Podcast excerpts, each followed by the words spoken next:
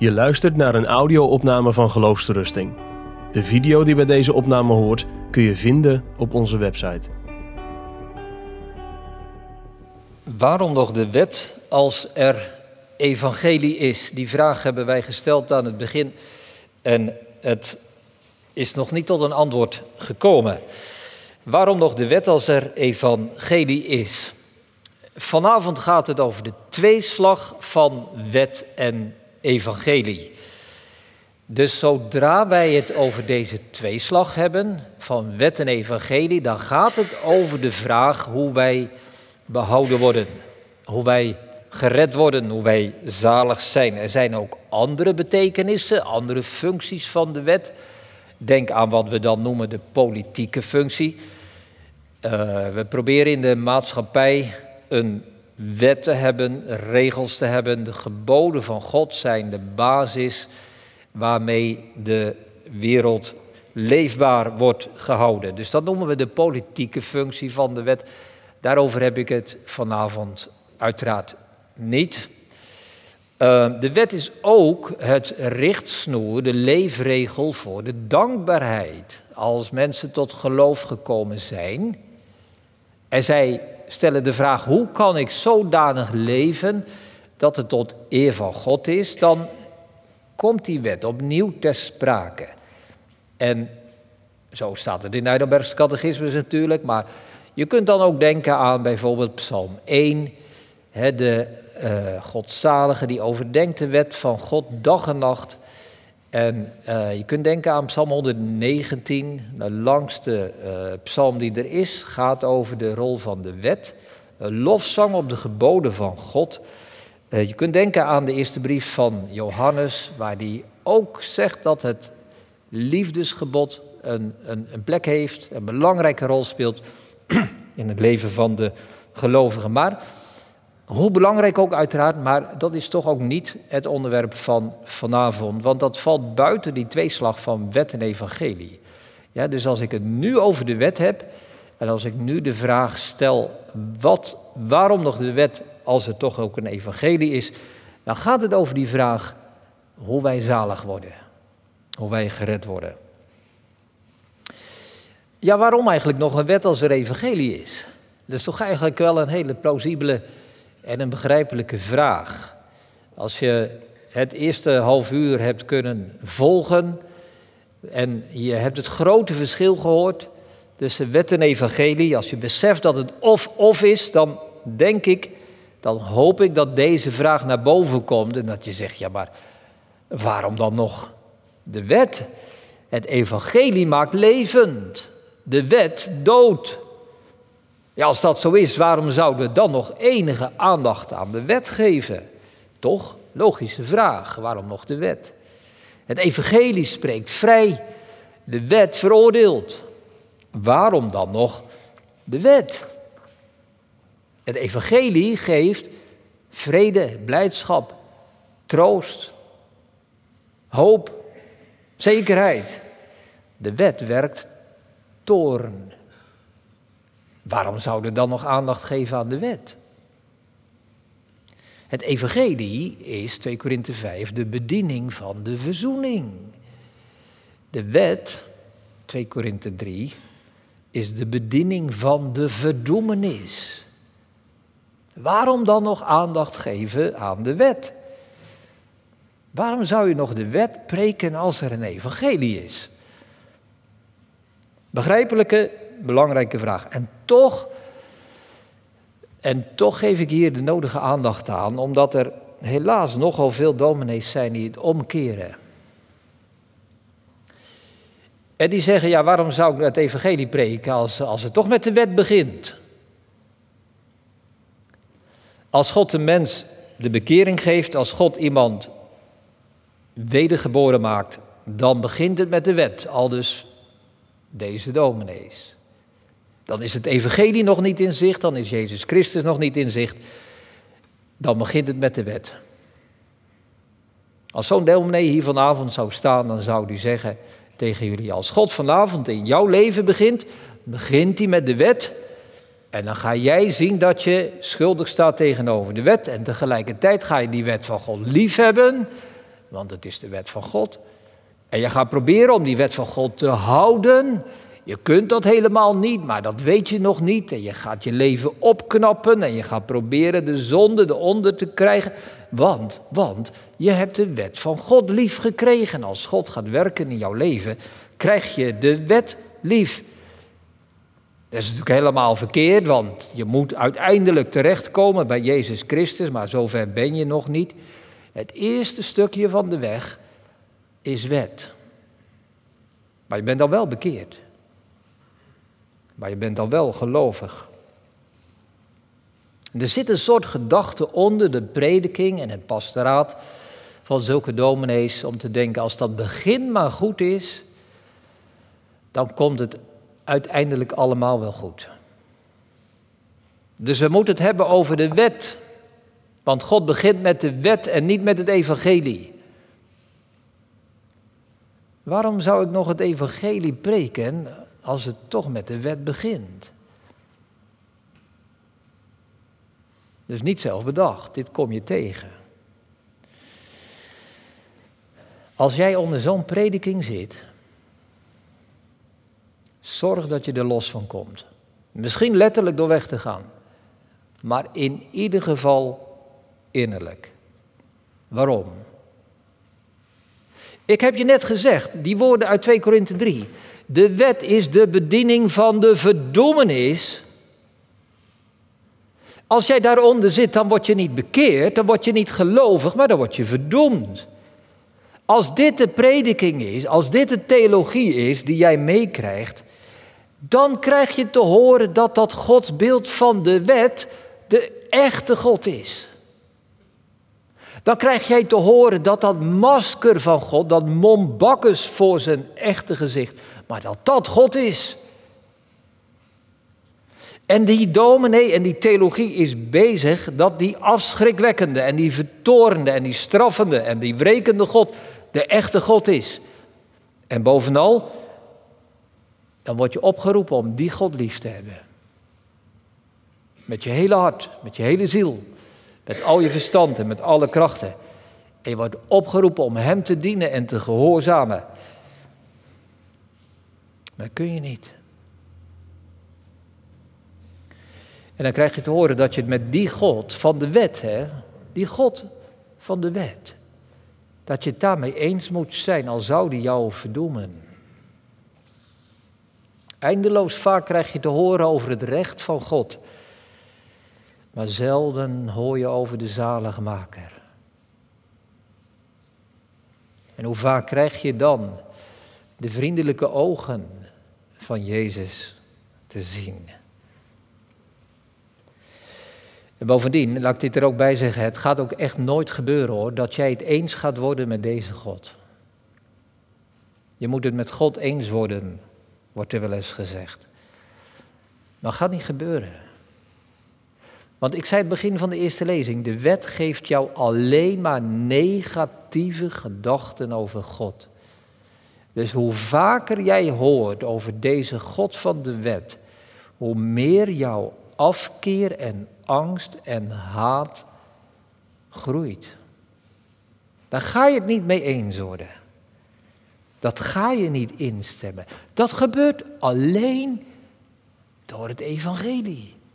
Dan ga je God lief hebben. Dus daarom is die vraag van vanavond wel een hele belangrijke. Hoe zit dat, hè? Die verhouding van wet en evangelie. Waarom nog de wet als er het evangelie is? Nou, nu komt het antwoord. Waarom ga ik vanavond, nu in deze tweede lezing, veel aandacht geven aan de wet? Ik heb in de eerste lezing gezegd dat het evangelie nodig is voor ons godsbeeld. Voor het beeld van de ware God, van de enige God. Daar hebben we het evangelie voor nodig. Waarom hebben we de wet nodig? De wet hebben we nodig voor een goed zelfbeeld. Probeer dat te onthouden. We hebben het evangelie nodig voor ons godsbeeld. We hebben de wet nodig voor ons zelfbeeld. Dus zonder evangelie hebben wij een verkeerd godsbeeld en zien we alleen maar de straffende rechter. Maar zonder wet hebben wij een verkeerd zelfbeeld en zien we alleen maar onze eigen mooie opgepimpte kant. En we hebben ze allebei nodig. De catechismus zegt, waaruit kent gij uw ellende? Uit de wet van God. Er staat niet waaruit kent gij God? Uit de wet. Nee, de wet, de wet brengt ons niet tot een goed godsbeeld. Maar de wet brengt ons wel tot een goed zelfbeeld. Als je jezelf niet kent, ga jij geen verlossing zoeken. En als je God niet kent, ga je geen verlossing bij God zoeken. Dus dat evangelie geeft ons het ware bijbelse godsbeeld en de wet geeft ons het ware zelfbeeld. En daarom nog steeds de wet, ook al is er evangelie. Ik ga het uitwerken naar drie kanten, drie manieren. Ten eerste de wet zonder evangelie. En daarmee bedoel ik, stel dat je hier vanavond bent en het evangelie niet gelooft. Je hebt het gehoord, maar je gelooft het niet. Dan heb jij vanavond een wet zonder evangelie. Als je de eerste lezing, om zo te zeggen, overslaat. Hè? Dat evangelie dat je gehoord hebt, niet gelooft, niet aanvaardt. Ja, dan, dan blijft er wet over zonder evangelie. Dus dan wordt jouw toestand bepaald door de wet. En dan is jouw toestand zo, zoals de wet het beschrijft. Je bent hier gekomen wellicht met de gedachte dat je een zoekend mens bent. In ieder geval betrokken en je wilt serieus zijn. Maar het is niet waar. Als jij het evangelie niet gelooft, gaat de wet jou zeggen wat jouw toestand is. En de wet zegt van jou dat je een ellendeling bent en een vijand van God. En dat je hem haat en je tegen hem verzet. Dat zegt de wet. Je veracht de genade van God en je beschouwt God als een leugenaar. Je kiest voor de diagnose van de wet en je weigert de prognose van het evangelie. Het is wet zonder evangelie. De dood en het leven heb ik u voorgesteld. Deuteronomium 19. En je kiest voor de dood. Je laat je leiden door jouw wettische godsbeeld. En je kiest voor die afkeer en die weerzin tegenover God. En al die bedreigingen en al die verdoemenis en die vloek van de wet is op jou van toepassing. Waarom moet ik dat zeggen vanavond? Nou, omdat je nog nooit hebt geloofd. Echt niet. Je hebt nog nooit de wet geloofd. En je denkt misschien, nou, dit is hè, weer een beetje van die uh, sombere domineespraat. Die dominees die overdrijven het uh, om het een beetje dramatisch te laten zijn. Maar de Bijbel zegt, luister 2 Thessalonicense 1, dat God met vlammend zwaard, met vlammend vuur wraak doet over hen die God niet kennen. En over hen die het evangelie van onze Heer Jezus Christus niet gehoorzaam zijn. Wet zonder evangelie. je denkt, ja, maar ik kan er niks aan doen, het is Gods schuld. Het is de schuld van God dat ik zo ben en als Hij mij niet bekeert. Ja, maar ik preek die wet om jou te laten zien dat het je eigen schuld is. Er is een psalmvers, psalm 119, vers 69 als ik het goed heb. Als er een psalmvers in de hel gezongen wordt, zou het dat vers kunnen zijn. Hoe klinkt dat vers? Gij zijt volmaakt. Gij zijt rechtvaardig, heren. Uw oordeel rust op de allerbeste wetten. Uw loon, uw straf beantwoordt aan uw eer. Misschien moet ik het vanavond anders zeggen. Dit vers wordt in de hemel gezongen. Door mensen die God bijvallen in zijn eerlijk oordeel over zondaren zoals jij, die een wet wil zonder evangelie. En niemand in de hemel zal sputteren over jouw veroordeling. Want God is niet breed en God is niet hard en God is niet meedogenloos, maar hij is eerlijk en rechtvaardig. En hij heeft het je allemaal gezegd en de wet zegt het je ook. Wie in de zoon gelooft, wordt niet veroordeeld, maar die niet gelooft is al reeds veroordeeld. Dus dat is de eerste reden om toch vanavond over de wet te spreken. Over wet zonder evangelie, wanneer jij weigert om in Christus te geloven. Er is nog een tweede reden, dat noem ik wet met evangelie. Ze klinken allebei. Je staat als het ware op een tweesprong. En allebei hebben ze hun boodschap. En de boodschap van de wet vanavond is: als jij bevrijd wil worden van de angst en van de dood en van de vloek en de verlorenheid, moet jij niet bij mij zijn, zegt de wet. En het evangelie zegt, als jij bevrijd wil worden van die onrust en die angst en die wanhoop diep van bidden, van die haat en weerzin tegen God, als jij verlangt naar troost en rust en vrede, moet je bij mij zijn. Wet en evangelie. Als jij wil voorkomen dat jij komt in de ellende die de wet ons schildert, moet je daar niet zijn. En ik moet opnieuw, ik moet opnieuw waarschuwen tegen verkeerde opvattingen. Nee, laat ik het anders zeggen. Ik kom vanavond niet om te waarschuwen. Ik heb een veel betere boodschap voor je dan wat je misschien vaak hoort. Wat jij wellicht hoort is dat, jij, dat er maar één weg is en dat die weg van God begint met de wet en verderop komt het evangelie. Dus als jij zalig wil worden, dan moet je beginnen met de wet. En dat moet je allemaal leren kennen. En daarna komt het evangelie.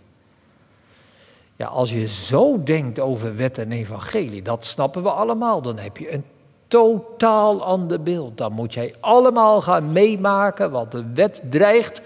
En dan moet je de vloek gaan ervaren en dan moet je met alles de dood in en dan moet je buigen onder het recht van God, enzovoort, enzovoort. Maar als ik vanavond hier de wet breng, dan zeg ik niet dat je dit allemaal moet beleven en meemaken, maar in tegendeel, ik breng deze boodschap om te voorkomen dat jij dat meemaakt. Het is als, ik ga een paar voorbeelden geven. Het is als jij een cursus moet doen voor bedrijfshulpverlening, dan krijg je een video te zien van een uitslaande brand in een huiskamer, in een kantoor of waar dan ook. En je krijgt te zien wat vuur doet als vuur zijn gang kan gaan en als je er niet op tijd bij bent. Waarom, waarom beginnen ze zo'n cursus van BHV met zo'n verschrikkelijke video? Om te voorkomen dat het gebeurt. Waarom wordt de wet gepreekt? Om te voorkomen dat er gebeurt wat de wet bedreigt. Nog een voorbeeld. De dokter is goed thuis in allerlei ziekten. Hij krijgt tegen zijn opleiding het vak pathologie, ziektekunde. Maar waarom? Omdat hij geneeskunde studeert. Omdat hij jou als patiënt wil genezen. Het zou natuurlijk een slechte dokter zijn die zegt: Ja, ik uh, heb dat vak pathologie hardop geblokt. Ik wil al die ziekten wel eens een keer in de praktijk meemaken. Dat zou natuurlijk heel raar zijn. Hij wil er kennis van hebben om het te voorkomen. Ik draag een autogordel om te voorkomen dat ik botbreuken heb en dat alles fout gaat wanneer ik een ongeluk krijg. En ik weet wat er gebeurt zonder gordel. Ik heb mijn zwemdiploma's gehaald om te voorkomen dat ik verdrink. En omdat ik het gevaar ken van verdrinking, ben ik blij dat ik zwemdiploma's heb. Nou, dit geldt voor de boodschap van de wet. Moet jij de angst van de hel leren kennen? Nee, natuurlijk niet. Je moet er alles aan doen om te voorkomen dat die angst der hel jou in zijn greep krijgt. Moet jij je verlorenheid gaan voelen? Moet jij verloren gaan onder het recht van God? Integendeel, ik breng hier vanavond de wet zo indringend mogelijk in de hoop dat jij daar nooit, nooit, nooit komt. In die Godverlatenheid en die verlorenheid van de wet. Want als je daar wel komt, is het te laat. Dan is het te laat. Ja, zeg je maar. Maar ik, ik heb mensen wel eens horen vertellen dat ze dat echt hebben meegemaakt. Dat ze verloren zijn en dat ze de angst der hel hebben ervaren. En, en hoe kan dat dan? Die mensen hebben dat toch echt beleefd? Nee, mensen hebben dat niet beleefd. Nee. Er is geen sterveling op aarde die de angst der hel gevoeld heeft. Want als je de verlorenheid voelt, ben je verloren.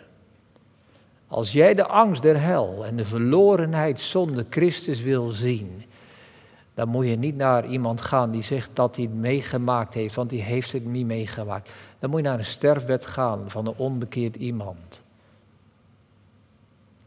En daar zie je de verlorenheid van een leven en een sterven zonder God en zonder evangelie. Je kunt dit niet beleven en levend blijven. Dat is onmogelijk. Ik moest in de voorbereiding denken aan de overlevenden van, van de concentratiekampen in de Tweede Wereldoorlog. Die mensen hadden het overleefd en er zijn erbij die zeggen: Ik schaam mij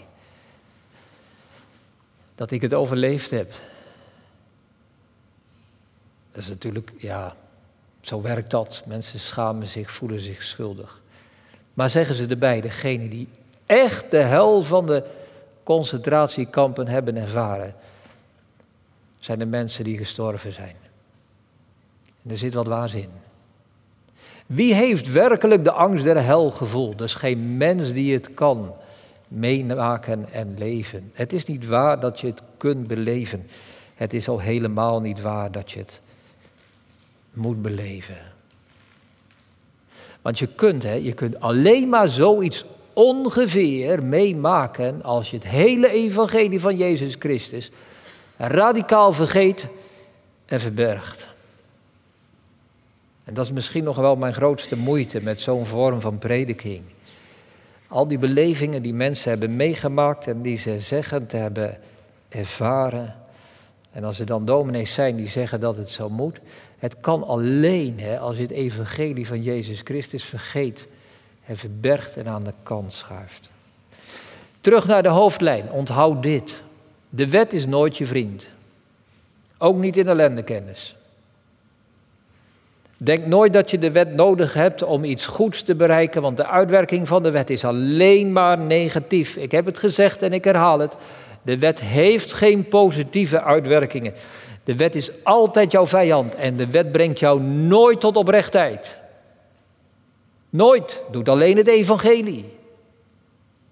Wet laat jou zelf wel zien wat voor grote zondaar je bent, maar daar word je nog geen betere zondaar van en geen berouwvolle zondaar. Dat kan alleen door het evangelie. je moet je vijanden niet onderschatten. En als de wet onze vijand is, moeten wij de wet niet onderschatten. En moeten wij die weg niet inslaan als je vanavond op de tweesprong staat van wet of evangelie. En eigenlijk zeggen ze allebei hetzelfde. Je moet niet bij de wet zijn. Je moet naar Christus vluchten. Ik kom naar de derde reden waarom het goed is om de wet te spreken, ook al is er evangelie. En ik noem dat de wet na het evangelie. Dat is voor degene die gelooft. Dat is voor degene, voor ieder van ons die het geloof mag kennen. Dan horen wij vanavond over de wet, over de bedreiging, over de vloek, over de straf, over de toorn van de wet. En dan denken wij aan onze Heer Jezus Christus, die die weg wel is gegaan. En al die dreigementen en die vloek en die verdoemenis heeft Christus op zichzelf genomen. Gelaten 3, vers 10 zegt het, vervloekt is ieder. En vers 13 zegt, Christus heeft ons vrijgekocht van de vloek van de wet, omdat Hij voor ons een vloek geworden is. En die wet die eist, en die wet die vraagt volmaaktheid. En Christus heeft volmaaktheid gegeven. De wet vloekt en Christus heeft de vloek gedragen. Die wet heeft zijn straf uitgestort op Christus, zodat die straf nooit meer op ons zal komen. Dat noem ik de wet na het evangelie. En dan kun je hier vanavond zitten. En dan kun je alle bedreigingen en alle vloeken en alle dreigementen en noem maar op van de wet aanhoren zonder dat er ook maar iets van angst in je hart hoeft te komen. Want Christus heeft voor ons de wet vervuld. En Christus heeft gedaan voor ons wat de wet heeft geëist. En dan mag je er zelfs een bemoediging in horen. In die wet na het evangelie. Omdat Christus dat heeft gedaan, moet de wet zelfs ons vrijspreken. Omdat Christus de wet heeft gehoorzaam en vervuld, zal de wet ons nooit meer verdoemen. Drie redenen dus om over de wet te spreken, al is er evangelie. En vanavond hoor je wet en evangelie. Evangelie vertelt jou wie God is. De wet vertelt jou wie jij zelf bent. En weet je wat misschien nog wat het mooiste van het evangelie is? Dat het evangelie ook bedoeld is voor mensen waarvan de wet net heeft gezegd dat jij God haat. En dat jij helemaal niet naar God verlangt. En dat je afkeer voelt. En weerzin. En het liefst zonder God zou leven en bij hem vandaan zou willen vluchten. Die wet heeft het jou allemaal verteld. En dan zegt het evangelie, ja maar voor zulke mensen is er evangelie. Het evangelie is niet voor mensen die verbroken en verbrijzeld zijn. En die schuldbewust zijn en goed voorbereid zijn en zacht zijn gemaakt enzovoort enzovoort. Als vanavond de wet klinkt en jou vertelt wie jij bent in jouzelf, dan klinkt er onmiddellijk bij het evangelie dat zegt, maar God heeft zijn liefde voor jou. In deze toestand waarin jij nu bent. Met al je wantrouwen, met al je boosheid, met al je angst, met al je haten van God. Zegt God tegen jou, kom naar mij toe. Ja, zeg je, ik heb nog één vraag aan het einde. Waar moet ik me nu vanavond op richten? Op de wet of op het evangelie? Waar moet ik nu naar verlangen? Dat de wet zijn werk gaat doen in mijn leven of dat het evangelie zijn werk gaat doen? Als ik bekeerd wil worden, waar moet ik me dan op richten? De makkelijkste vraag vanavond, op de evangelie. Echt waar, op, op het gezicht van de Heer Jezus Christus. Godskennis, zelfkennis. Evangelie en wet. Maar godskennis is veel belangrijker dan zelfkennis. Er staat niet in de Bijbel, dit is het eeuwige leven dat wij onszelf kennen. Er staat wel in de Bijbel, dit is het eeuwige leven dat wij u kennen, de enige en waarachtige God. En, gaat de tekst in één keer door, en Jezus Christus, die gij gezonden hebt. Hem moet je kennen. Ik ga een afsluitende samenvatting geven en ik wijs je de richting. Als je vanavond de wet hoort zonder evangelie. Als je vanavond de wet hoort zonder evangelie. Dan weet je dus nu dat jij een verloren zondaar bent met een verschrikkelijke toekomst. En je weet nog steeds niet wie God is. Want de wet leert jou niet wie God is. Het enige wat jij denkt en voelt over God is dat het een verschrikkelijke God is. Als je vanavond de wet en evangelie hoort, de wet met het evangelie, dan hoor jij de stem van Jezus. En dan mag je vanavond de ogen van de zaligmaker zien. Milde handen, vriendelijke ogen. Dan ga je God kennen zoals Hij werkelijk is. Genadig en barmhartig. Gaarne vergevend voor zondaren. God eist niks vanavond. Hij vraagt niks. Hij dreigt niet. Hij beangstigt niet. Hij beveelt niet. Hij belooft. Hij geeft. Hij schenkt. Hij troost. Hij geeft je rust. Hij zegent. En hij zegt: Ik ben de weg.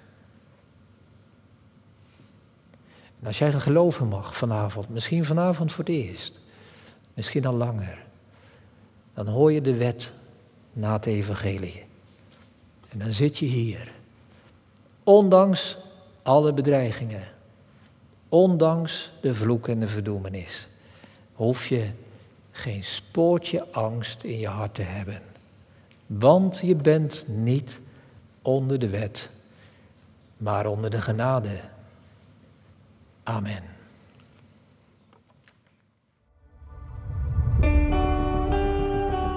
Je luistert naar een podcast van Geloofsterusting. Wil je meer luisteren, lezen of bekijken? Steun dan ons werk en ga naar de website geloofsterusting.nl.